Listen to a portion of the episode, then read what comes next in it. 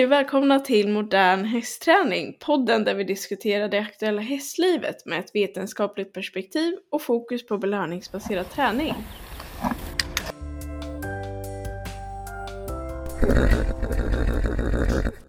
Ja, man tänker att det borde inte vara så svårt. Man ger lite godis när det, de beteenden man tycker om och så hur svårt ska det vara liksom? Men...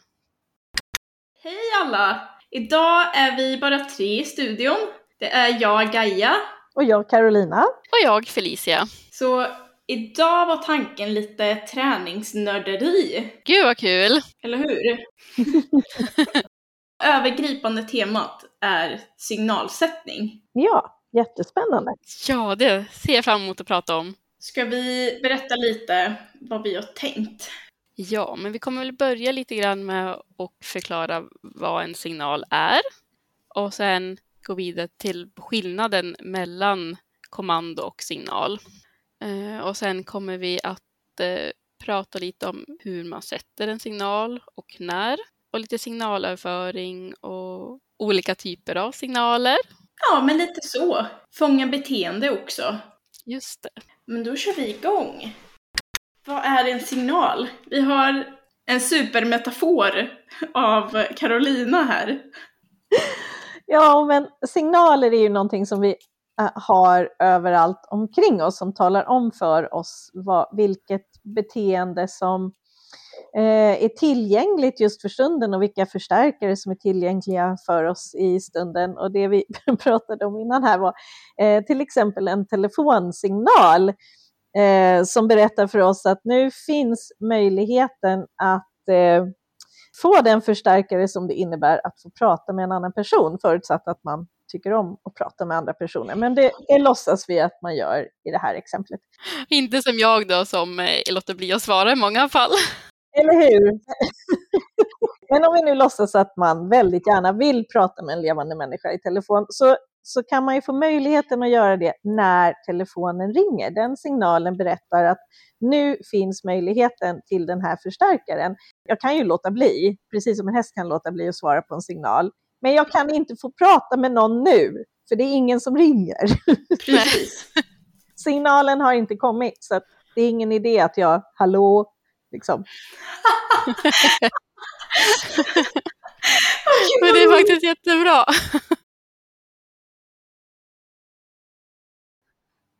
Och jag tycker att det här verkligen visar också skillnaden på en signal och en, ett kommando. Det gör det ju faktiskt.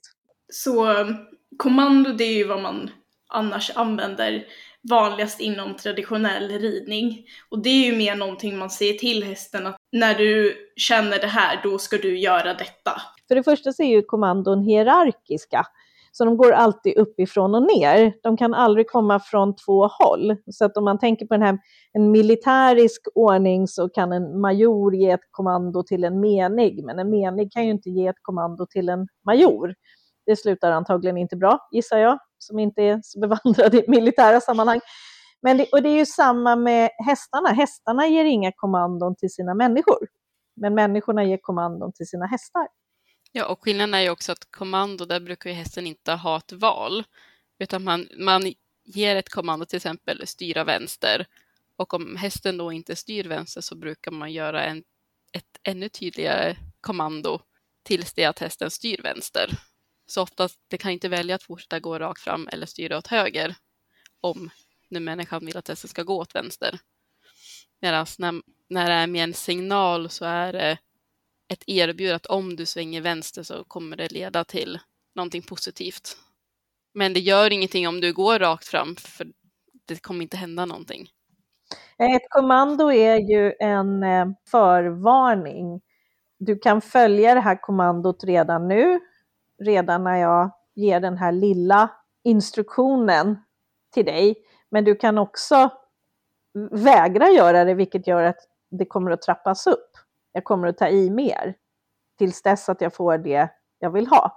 Så ett kommando är mer av en förvarning medan en signal är mer om ett, av ett erbjudande om någonting man vill ha. Men så här, klassar man det som en signal, klicket? Men absolut är ju klicken en signal. Det är ju en signal för att eh, beteendet är uppnått Eh, för att matleveransen påbörjas. Eh, eller belöningsleveransen ska vi säga, det måste ju inte nödvändigtvis vara mat. Så klicken har ju absolut en signalfunktion, det är en av klickens funktioner. Jag tyckte att du kom in på något väldigt intressant där Felicia kring det här att så här, ja, men om du inte styr vänster, ja men då händer ingenting.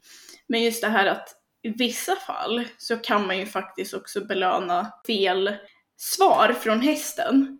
Och då kommer man ju in lite på det här, ibland får man ju frågan, okej okay, men hur vet du att hästen egentligen vill göra det här? Mutar du inte bara hästen till att göra vad du vill? Hur är det bättre än att jag då bara säger till hästen vad jag vill att den ska göra? Men så här att om man implementerar lite det här att ja men gör du fel så finns faktiskt möjligheten att få belöningen då. Så kan man ju få faktiskt ett ärligt svar att så här, jo men jag vill svänga vänster. För att hästen vet att det kommer inte ens en bestraffning i form av att den inte får mat om den inte väljer att svänga vänster. Eh, sen är ju det här väldigt komplext i verkligheten. Man ska ju såklart vara noga med när man belönar någonting så att man inte bara att det blir kaputt av allting och man får liksom en farlig häst, en häst som bits i handen, en häst som springer på en för den vill ha mat och så vidare. Men om man är duktig så kan det ju funka väldigt bra. Ja, men det är en jättebra poäng, Gaia, för jag tänker också att det handlar även om förstärkningshistorik. Till exempel om vi har tränat väldigt mycket på att svänga åt höger, så har hästen en väldigt stark förstärkningshistorik åt att svänga åt höger. Och om vi då ger signal till att svänga vänster så kanske hästen ändå svänger åt höger för att den är så säker på att det händer någonting trevligt då. Så där skulle jag inte välja att hålla inne på en belöning om hästen svänger höger istället för vänster. Den, den principen som vi alltid kör här är att vi belönar allting, men vi klickar bara för det vi ville ha. Så gör vi det klart och tydligt för hästen att egentligen så ville vi haft en sväng till vänster. Det är det du får klicket för. Men du får mat för att svänga till höger också, för du är med och du är aktiv och gör någonting och det vill vi jättegärna belöna ändå. Just det. Det som är målet här är ju naturligtvis att, att få chansen att klicka för rätt beteende varje gång. Det är ju inte så att vi väljer att avstå för att, från att klicka vissa beteenden, utan det handlar mer om att om, för att inte förvirra hästen.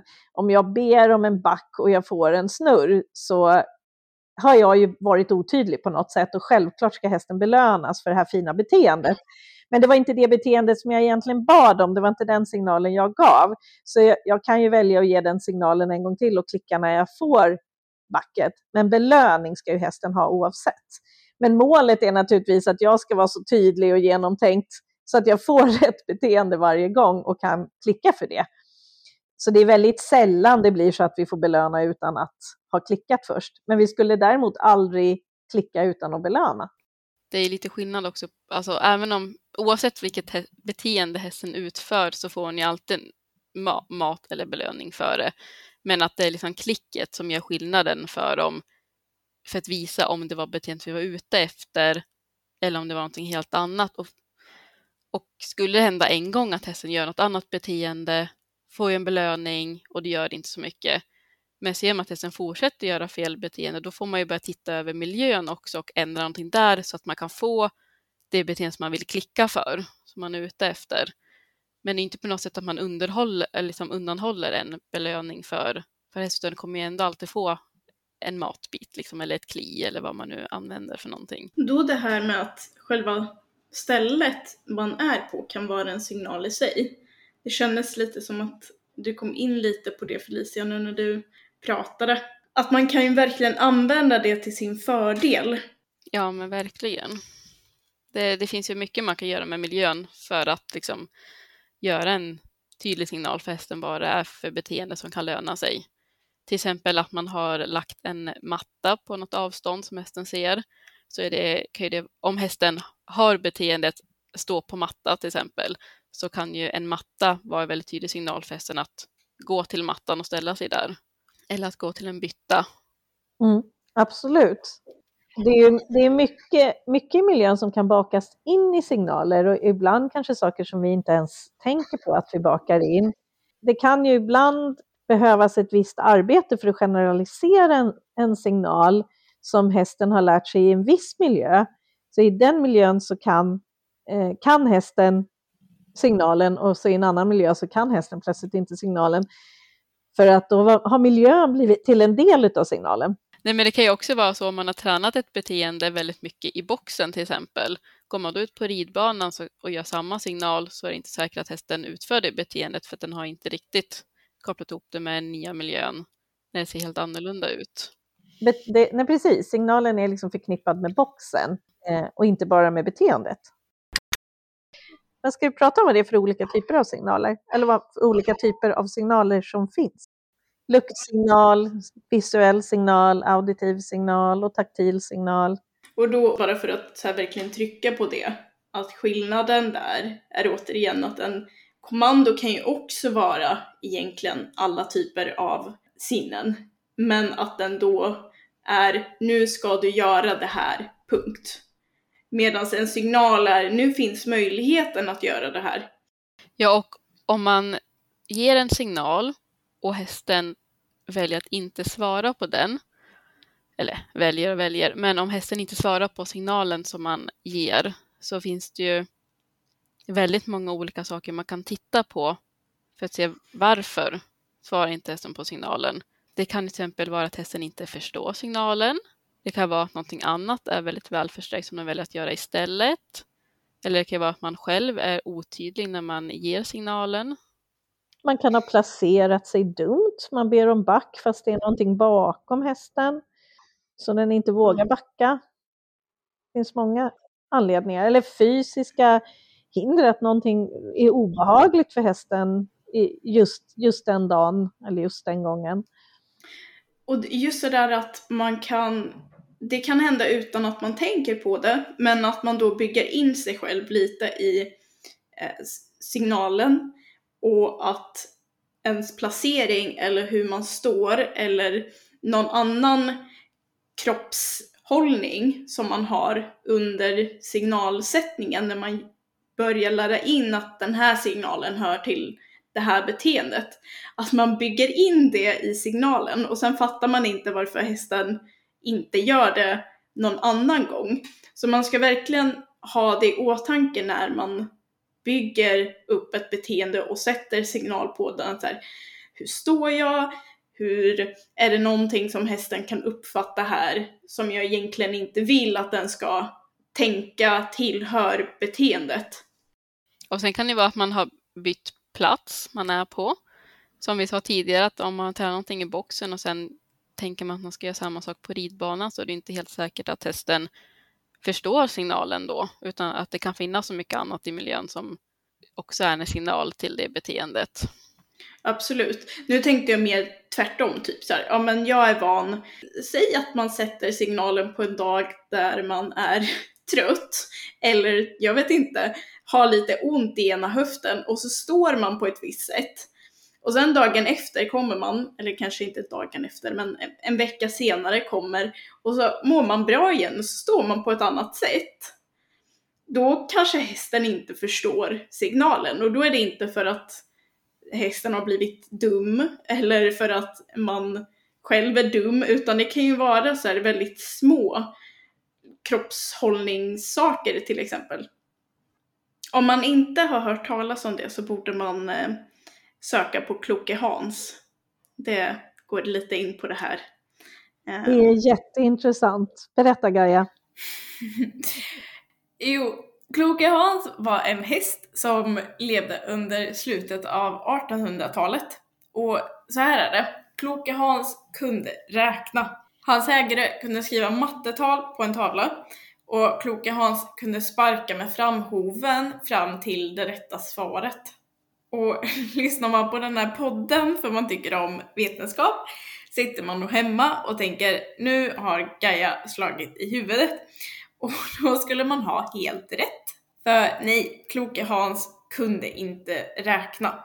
Utan en psykolog vid namnet eh, Pfungst, eh, mm, nu uttalar jag det säkert jättefel, men i alla fall Han började kolla närmare på hästen och hans ägare och han insåg att hästen inte alls kunde räkna, utan istället var han jättebra på att läsa av ägarens minsta signaler. Så som att han rätade upp sig med ryggen när han närmade sig det rätta svaret, eller att han lyfte sin hatt lite grann och började kolla på hästen när han hade kommit rätt. Och det kunde han ju då bevisa genom att ge hästen ett mattetal som ägaren inte kunde själv, eller genom att han bad ägaren vara vänd åt andra hållet så han inte kunde se mattetalet alls.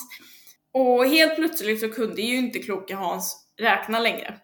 Så att säga, alltså inom citattecken då. Och det roliga är att ägaren alltså inte visste om detta. Och han försökte verkligen inte lura folk utan han trodde att hans häst kunde räkna. Så han hade själv svårt att acceptera läget och han anklagade hästen för bedrägeri och ville att hästen skulle dra likvagnar resten av sitt liv som straff när han blev mött med verkligheten så att säga.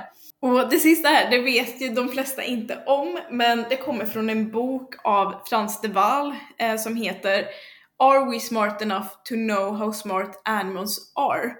Eh, och det är en jättelång titel, men vi lägger säkert in den någonstans. Eh, men den är verkligen värd att läsa om man vill ha lite lättsmält, intressant populärvetenskap. Jag rekommenderar den starkt. Men i alla fall, det här har gett namn till kloka Hans-effekten då, som är jätteviktig att vi tar hänsyn till när vi utför forskning med både människor och djur egentligen, så vi inte råkar påverka svaren genom att eh, ge nästan omärkbara signaler som vi kanske inte ens menar att ge då helt enkelt. Sjukt spännande! Nej, jag har inte hört talas om kloka Hans, det var ju häftigt.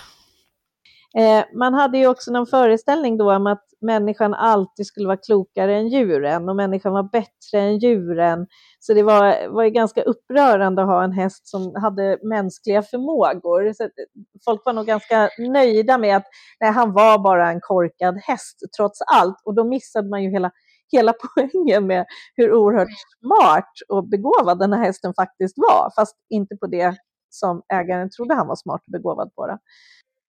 Vad har ni använt, eller vad använder ni mest för typer av signaler? Eh, använder ni mycket röstsignaler eller mer visuella signaler?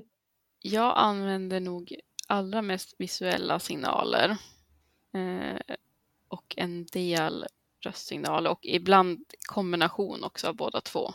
Mm, samma här. är väl det vanligaste som jag använder. Ja, det är nog lite av en blandning skulle jag säga. Jag gillar visuella signaler. För där känns det verkligen som att det är svårt att eh, jag försöker hålla mig ifrån saker som skulle kunna övergå till att bli tryck och eftergift. Så till exempel att eh, använda en taktil signal där hästen ska flytta sig ifrån min hand. Alltså en beröring. Precis, en beröring på rumpan till exempel och sen ska hästen flytta sig ifrån. Även om det absolut kan läras, kan läras in med positiv förstärkning så försöker jag hålla mig ifrån det för det känns så väldigt enkelt att även omedvetet råka göra det till en tryck och eftergift.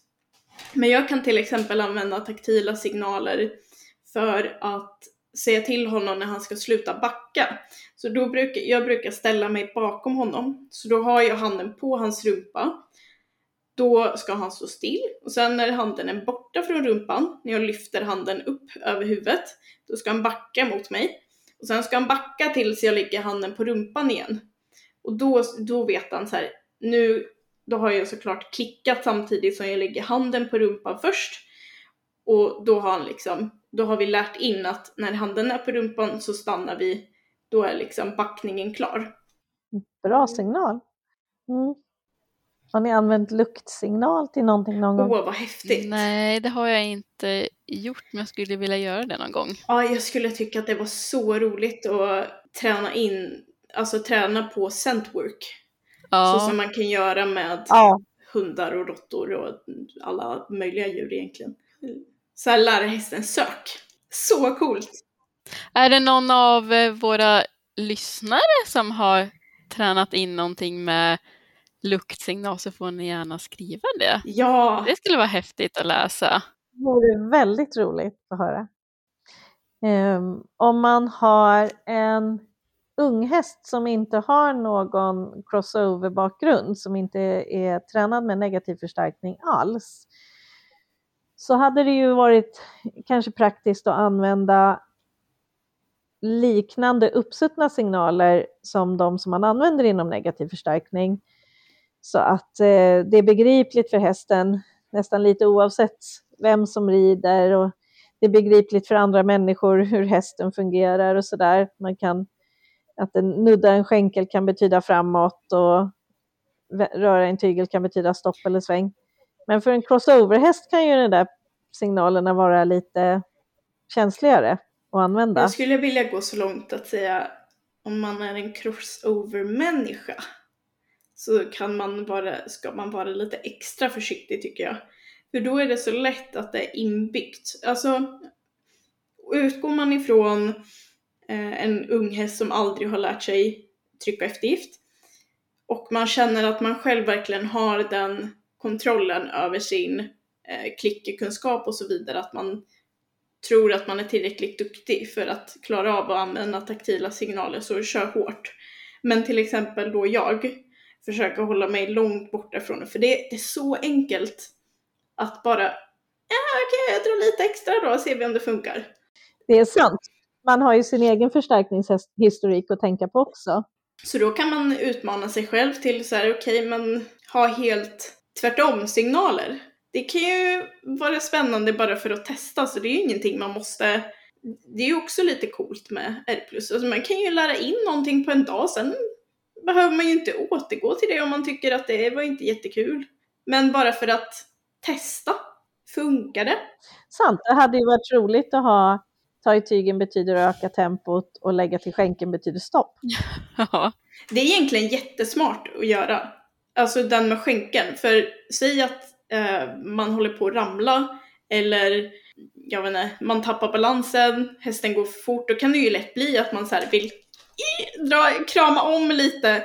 Då är det egentligen bra att hästen bara oj, ja, nu stannar vi upp. Så kan man testa. Och då får det igen att komma igång lite med så här rent, man kan ju ha det som en mental övning. Bara så här, okej, okay, hjärngympa, hur skulle jag lära in något sånt? Jag ska lära in att hästen ska stanna när jag kramar om med benen. Hur gör jag det? Bara för att få igång hjärnan lite grann och börja tänka lite R plus och utmana sig själv. Jättekul idé tycker jag. Kanske vi ska berätta lite grann om, om när och hur man sätter signaler när man har beteenden som är inlärda med, med R med positiv förstärkning. Det tycker jag är rätt spännande för det känns som att det går att göra på två så här huvud, huvudsätt. Antingen så kan man lära in beteendet först och sen sätta in signalen sen, liksom lite separat så. Eller så kan man försöka bygga upp det från grunden tillsammans så att de alltid är ihopkopplade från början. Jag vet inte riktigt hur ni tänker kring det. Vad, tycker ni att det finns tillfällen där ena funkar bättre eller tycker ni allmänt att den ena metoden är bättre än den andra? Det beror lite på vilket beteende det handlar om. Och jag tänker att det här är också en skillnad mot kommando. För kommando börjar alltid med, med kommandot. Beteendet kommer sen. Dra i tygen, hästen stannar, ty eftergiften kommer. Medan i R plus kan man ju verkligen ha ett färdigt beteende som är precis som man vill ha det och först därefter lägga en signal. Man kan ju ha en arbetssignal fram till dess som man vill och så lägga en, en ny signal på det perfekta beteendet. Men det är lite coolt att man kan göra det precis tvärtom beroende på hur man tränar. Mm, och där har jag ganska bra filmklipp på hur, hur man kan sätta signal, som ett exempel, som jag skulle kunna lägga upp på vår Instagram och Facebook. Eh, som visar stegen lite grann som man kan använda när man ska sätta en signal på ett redan färdigt beteende. Eh, och lite i korthet så kan man säga att först så tränar man in ett beteende så att hästen liksom utför det med ganska kort latenstid. Och när man har fått ett, ett självständigt beteende på, man vet att sen, nu kommer hästen att Jag kan ju ta exemplet som är mitt filmklipp att när jag satte en signal på att ta ner huvudet med myran. Så jag visste att hon eh, tar ner huvudet, får en belöning högre upp och så fort hon har ätit upp sin belöning då tar hon ner huvudet igen. Då kan jag, när hon har huvudet nere, så sätter jag, då började jag göra signalen som jag vill ha på det beteendet. När hon redan utför beteendet. Och så belöning uppe och när hon tar ner huvudet då lägger jag signalen när huvudet är nere. Eh, och sen så kan jag ju liksom lägga signalen tidigare och tidigare i beteendet. Så att jag till slut vet att nu kommer hon att göra beteendet. Då gör jag signalen. Så man kopplar ihop det så att det till slut kan ha lagt signalen innan beteendet utförs. Men jag börjar med att lägga signalen när hon gör beteendet redan. Gaia, hur tänker du runt eh, det här att bygga in signalen från, från början när man skapar beteende? Jag älskar ju att fånga beteende allmänt. Mm, det är ju ytterligare en, en variant. Så då, då blir det väl främst att signalsättningen kommer senare. Hur tänker du då? För då tänker jag att hästen gör någonting självmant. Att det bara råkar hända. Och ja, fast nej, det beror ju på. Då lägger man ju signalen, säg att, hästen, säg att man vill fånga ett läggande och hästen lägger sig för att rulla sig och man lägger signalen mm. ganska tidigt i det. Åh, varför var det här en så svår fråga? Nej, jag tror faktiskt att jag bygger saker från grunden ihopkopplat. Ja. Men jag, att jag försöker just fånga beteendena. Så, ja men till exempel flytta höften mot mig. Eh, då har jag, alltså vid flera träningspass att jag höll på och bara så här, hade handen in till höften så här, händer ingenting? Ja, nej men då händer ingenting. Sen någon gång så råkar han flytta sig mot mig när jag hade handen in till höften. Och då liksom klick, godis direkt. Så då kommer ju handen in som signal redan från första början. Och jag tror nog ändå att det är så jag jobbar främst. Och du Carolina? Jo, men jag, precis. Jag, jag, känner igen det också. Jag har också mm, absolut eh, signaler som bara har, har kommit in i byggandet av beteenden, men också signaler som jag satt senare.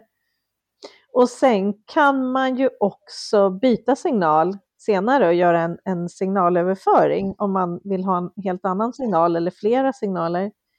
Och vi har ju den, den som jag tycker är den allra gulligaste signalöverföringen någonsin är ju min lilla minishetland Siggy som kan snurr och då har vi lärt honom att om man snurrar på ett paraply, ett regnbågsfärgat paraply, för det tror jag inte han bryr sig om, men det är regnbågsfärgat det vi använder. Eh, och då snurrar han när paraplyet snurrar. Ja, det är ju så fint trick, eller signal. Det är så gulligt. Ja, verkligen. Det är ju också något eh, filmklipp du måste lägga upp på vår Instagram sen. Det finns ju faktiskt ett här i, i eh, det här avsnitt nummer två. Väldigt kort litet filmklipp där Elna tränar med Siki.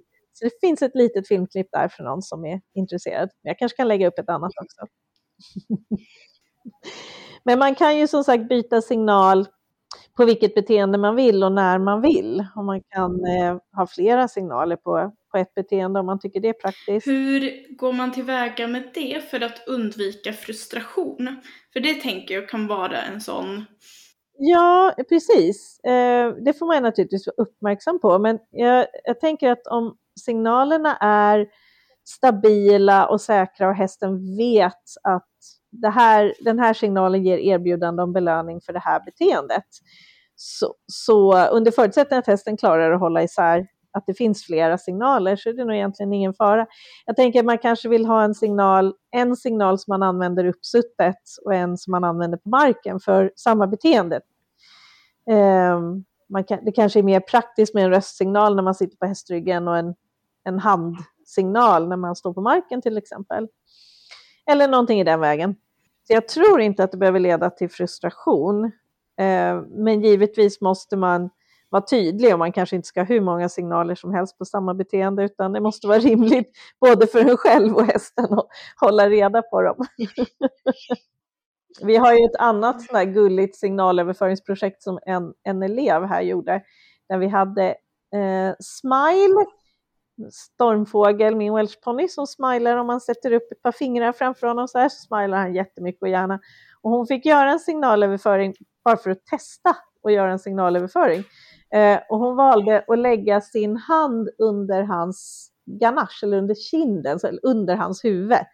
Eh, så när hon håller handen under hans huvud och står bredvid honom och tittar åt samma håll som honom så smilar han. Jättefula smile, det är så gulligt. Eh, och så då kan hon ta en selfie med honom. Så smart! Smilande bredvid henne. det tycker jag faktiskt är en sån här jätterolig trick att lära in. Ja, det är också bara en sån här rolig grej. Och så var det också sån där eh, där det spelar ingen roll. Om det inte skulle lyckas så har det ingen betydelse. Så sådana saker kan man leka med eh, och känna sig väldigt trygg med att leka med. Det värsta som kan hända är att vi får ingen smile-selfie. Vi kan nog leva med det liksom. Så det är ingen press inblandad i det. Ja, ridning och sådana saker, då vill man kanske vara lite mer säker på att vissa beteenden, till exempel att kunna stanna sin häst när man rider är alltid trevligt så känns tryggare. Um, så då vill man känna sig lite säkrare på sin signalsättning ja, men kanske. Vill man, precis, vill man bara testa med någonting, om man tar fram någon, någon ful target som du aldrig kommer använda igen och sen bara testa, se om, om man kan leka fram någonting roligt och funkar det inte så kasta den så behöver man aldrig använda den igen. Jag tycker att det är jätte jobbigt att behöva klicka när man rider, när man sitter liksom i sadeln. Det bästa hade ju varit om jag hade köpt en sån här fingerklicker. Nu har jag inte det, så då behöver man ha en hand till att klicka. Så någonting jag har lärt in är att så här, klappa på halsen lite så här, två gånger. På, beroende på vilken sida jag klappar på så ska han vända huvudet mot den sidan. Och då få godis. Så då har jag istället för att använda klicket som signal på att du gör rätt, så har jag liksom små dutt på halsen för att säga, ja ah, men nu gjorde du rätt. Nu kommer godiset. Så då har jag valt att använda en taktil signal när jag sitter på ryggen istället för en eh, ljudsignal. Smart. Det är jättebra ju. Det här att man kan faktiskt be dem att vända sig åt båda håll så att det inte blir konstant att de kanske väljer ena sidan för det är lite smidigare. Mm, så har jag också, eller jag använder klicken när jag rider än så länge. Men att jag också duttar på vilken sida hon kan ta belöningen. Mm, det gör jag också. Eh, men sen har jag lite olika, jag har inte, behöver inte alltid använda en klick, för jag kan ju också göra så här klick med munnen istället för att använda fysisk klicker. Och jag har också tränat in tack som en signal för att hon har gjort rätt och belöning kommer. Så att jag kan variera lite vad, vilken signal för rätt beteende som jag vill använda beroende på situationen. Ja men det är väl jättesmart. Mm, men det funkar ganska bra för ibland är det svårt att hålla i en klicke samtidigt som man har massa andra saker och då kan det vara skönt att kunna använda någonting annat. Och en klick med munnen är oftast tydlig men ibland om jag vill ha ännu tydligare om det kan finnas störande ljud runt omkring eller jag verkligen vill att de ska höra, då kan den vara bättre med ett ord. Jag brukar ju ha med klicken. Jag tycker att den är lite, den kan ju vara mycket mer exakt. Ja, speciellt om man lär in någonting nytt så är det ju väldigt, då är det ju nästan det bästa att ha en klicke. Men om det är redan intränade beteenden som jag bara vill fortsätta ha kvar liksom, eh, signaler för att hon har gjort rätt så kan jag använda en munklick till exempel. Till exempel när jag kratsar hovar. Så inte allt, då trycker jag inte på en klick liksom, utan då gör jag en munklick istället. Och det var också jättebra exempel på tillfälle. Det är också jättekrångligt att hålla på med att ha en klicker i handen när man ska hålla på med hovarna. Jag vet inte hur många gånger jag har lagt handen och i, eller hoven i handen och klicken har hamnat emellan och sen har den klickat av sig självt. Och så bara, ah, ja men bra, ja, men då får du väl godis då. Det var inte tanken än, men du får väl den då. Så här. Ja, inte hästens fel att man själv bara råkar trycka till liksom. Precis. Så då är ju röstsignal bättre. Mm, jo men det kan vara väldigt smidigt i sådana där tillfällen. Och om man råkar glömma sin klicker någonstans eller inte hitta på den eller, eller man eh, ja, glömde den, liksom, då är det ganska praktiskt att kunna ha någonting annat också så att man inte står där helt utan någonting. Jag har faktiskt haft mardrömmar om det någon gång. Att jag så här rider iväg eller går iväg på en promenad och så har jag glömt klicken. ja, det skulle bli lite jobbigt. ja, inte om man lär in flera olika signaler. Nej, men exakt. Då är det väldigt praktiskt. Och det kan ju också vara, jag tänker för vissa hästar kan ju kanske reagera på klickljudet från en klicker, att det låter för högt eller att de tycker att det är lite otäckt. Och då kan det vara bra att använda någonting annat istället.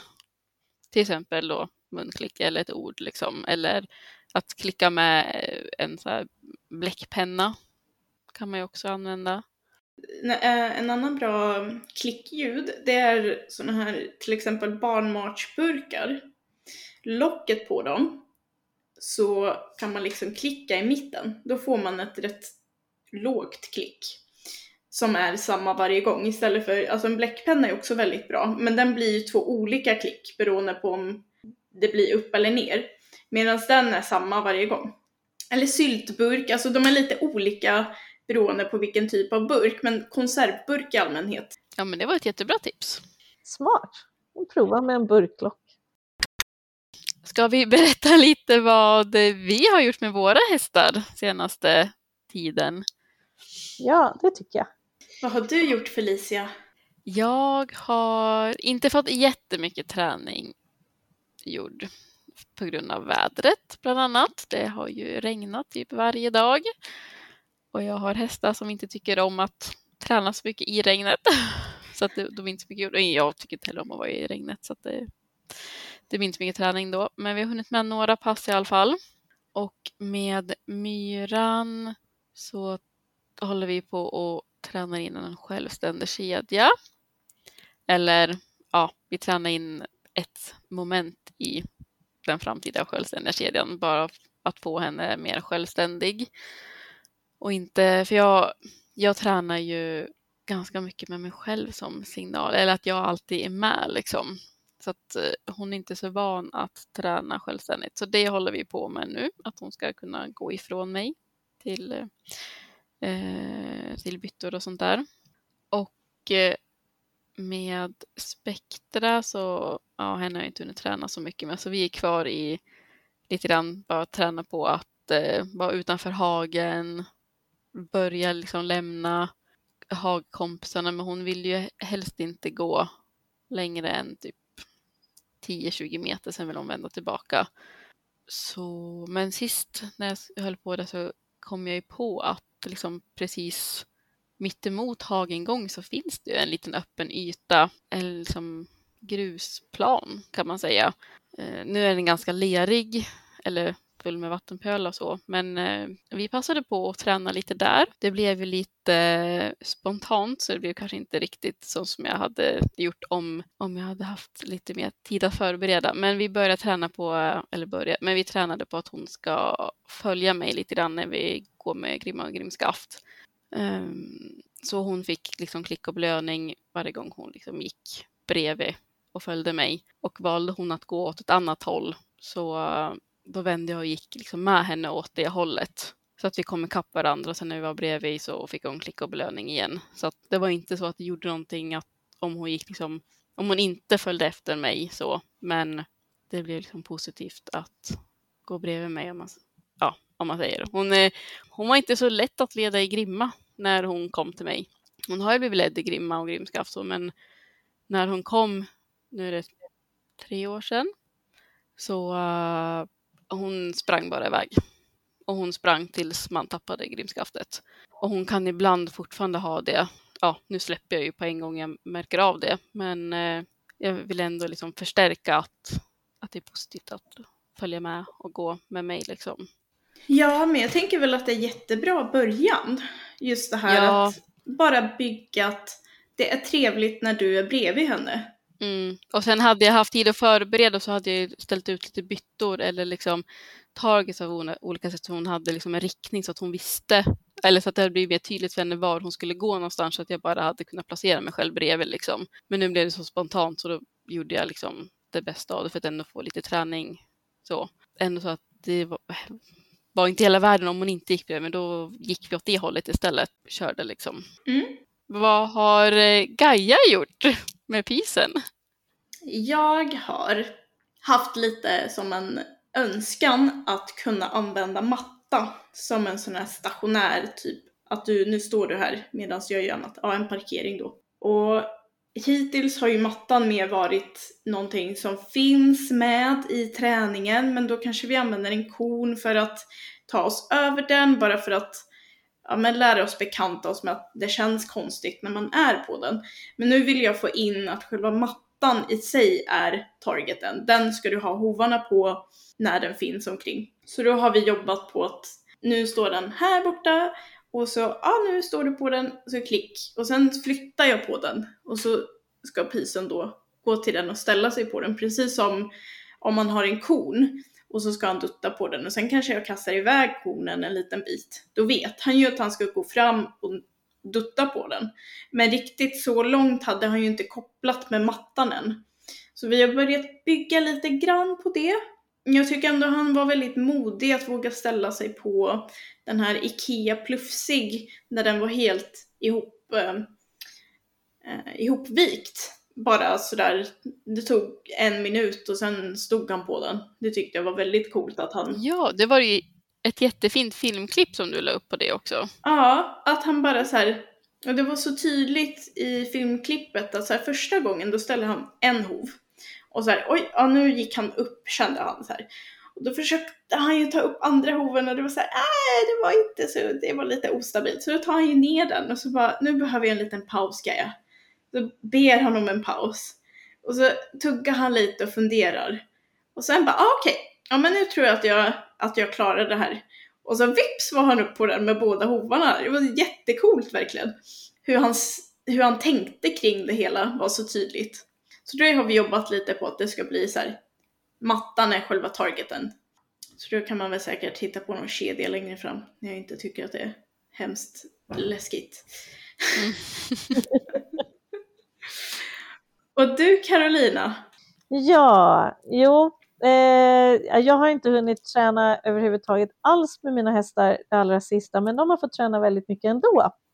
För vi har nämligen haft det allra, allra första ungdomslägret i BHIS regi, alltså Föreningen för belöningsbaserad hästträning i Sverige. Det är toppen roligt. Så vi har haft tio ungdomar här eh, i åldrarna 9 till 15 som har tränat och de har tränat med alla djuren. Inte sköldpaddan, men nästan alla djuren. de har tränat jättemycket med ankan, de har tränat med hönsen, de har tränat med getterna och de har självklart tränat med hästarna jättemycket. Eh, och med hästarna så har de dels tränat sina egna tränarfärdigheter, så de har fått vara två och två och titta på varann och se eh, på deras på egen timing och det här med att inte sätta handen i väskan innan man har klickat och sådana här saker som är så svåra att komma ihåg och som man behöver få in i ryggmärgen. Sänka targeten när hästen har duttat på den och alla sådana här. Så man har övat sådana här grundfärdigheter och även gjort lite saker som att slänga rockringar om huvudet och sådär som hästarna tycker är kul och som de, barnen också tycker är kul. Och sen har vi tränat väldigt mycket på hantering. Så de har också fått vara två och två och träna olika hanteringssituationer med hästarna. Så de har tränat med sprayflaska och med, med klippmaskin. Alltså, ja, jättespännande och ögontvätt och ett, ett, ett roligt exempel var en, en, en ponny jag har som, som tycker det är lite obehagligt med saker som kommer upp på ryggen, som till exempel en sadel. Det är inget problem när de är där, utan det är just att någonting rör sig upp på ryggen, tycker han är jobbigt. Och det roligaste att se var hur de här två barnen backade sina förväntningar eh, och backade liksom i träningen. Första planen var hur de skulle göra med själva sadeln. Men det blev snart utbytt till en handduk som de jobbade med. Och hur de sen eh, kunde se hans reaktioner när han var lite obekväm och lite tog godiset hårt och tyckte det var lite jobbigt och hur försiktiga de blev, hur de liksom backade tillbaka det här steg för steg för steg. Så vår träning som egentligen gick bakåt istället för framåt, eh, deras träning. Men för hästen gick det ju framåt, för han blev ju mer och mer avslappnad ju mer de backar. Och just få in tänket på var man ska börja eh, med sin hanteringsträning. Det var jätte, jättekult att se deras resonemang runt det här och hur fint det blev efter ett tag. Ja, det är ju så både fint och viktigt att man vågar backa typ så som barnen gjorde och att man inte lägger någon slags värde på sig själv som tränare när det inte går som man kanske har tänkt från början. Precis. Det tror jag är så viktigt, så här, oavsett hur man väljer att träna, att man inte tar ut det på hästen speciellt. Så att det är så här, jo men nu har jag bestämt att vi ska träna med sadeln. Så då gör vi det. Ja. Mm. Och oftast att det går ju faktiskt snabbare framåt om man backar och gör grunderna ordentligt. Ja, precis det. Så det här att träna inför sadling ser kanske inte ut som man hade tänkt sig att det skulle göra utan man kanske står med en handduk lite försiktigt. Eh, man tycker man är väldigt långt ifrån det här med sadeln. Men får man hästen bekväm med det så kan man ju ganska snabbt avancera sen. Definitivt. Eh, så det var väldigt roligt att se dem utforska var startpunkten egentligen fanns. Så det var jätteskoj. Det har varit fantastiskt roligt hela, hela det här lägret och de har Eh, vi håller på med Portal och de har fått exempelfrågor där de ska liksom försöka lista ut vilken kvadrant man hamnar i och såna här saker. Och de har tänkt och resonerat och det har varit jätteroligt, verkligen. Alltså jag känner bara att jag är så avundsjuk för att det finns sådana här lägen nu. Tänk om det hade funnits när jag var barn. Eller hur? Ja, nu ska det komma massor med sådana. Det är bara, det är så här framtiden ska se ut. Ja. Verkligen. Och sen kanske man ska då ta lite inspiration från de här barnen. Om man har tyckt att våra nörderiavsnitt här var lite krångligt, man tyckte att det vi pratade om var jätteförvirrande, så finns ju alltid möjligheten att kika på BHIs hemsida och kolla efter tränare där. Det är aldrig en dålig idé att ta ut någon. Och många jobbar ju också på distans. Så om man bor så att man inte har någon tränare nära så brukar det lösa sig bra ändå. Med den här podden har vi ju faktiskt hela fyra stycken tränare som man kan, kan ta hjälp av på distans. Ja. Om man vill det. Och vi finns ju också utspridda lite överallt så att det går ju, bor man i närheten av någon av oss så kan vi säkert hjälpa till på plats också. Ja, det är alltid bra att ta hjälp av en tränare med positiv förstärkningsträning lika väl som all annan typ av träning man gör med sin häst. Mm. Så är det absolut. Hoppas ni har tyckt att det här avsnittet var givande. Och både om ni tyckte det eller inte får ni gärna säga till. Så kan vi anpassa oss. Vi hör gärna er feedback, vad ni tycker om podden. Och eh, har ni några exempel ni vill berätta för oss om eh, signal, om sätta signal eller Luktsignaler pratade vi ja, om. luktsignaler ja. Det hade ju varit väldigt extra spännande. Men överhuvudtaget exempel på signaler. Ja men exakt. Tagga oss gärna om ni lägger upp något klipp på Instagram eller sådär som har med signaler att göra för då vill vi gärna kika på det. Och det har varit väldigt kul att prata med er, Gaia och Felicia, här idag. Ja men detsamma. Ja, då säger vi hej då för idag. Ja, hej då! Hej då!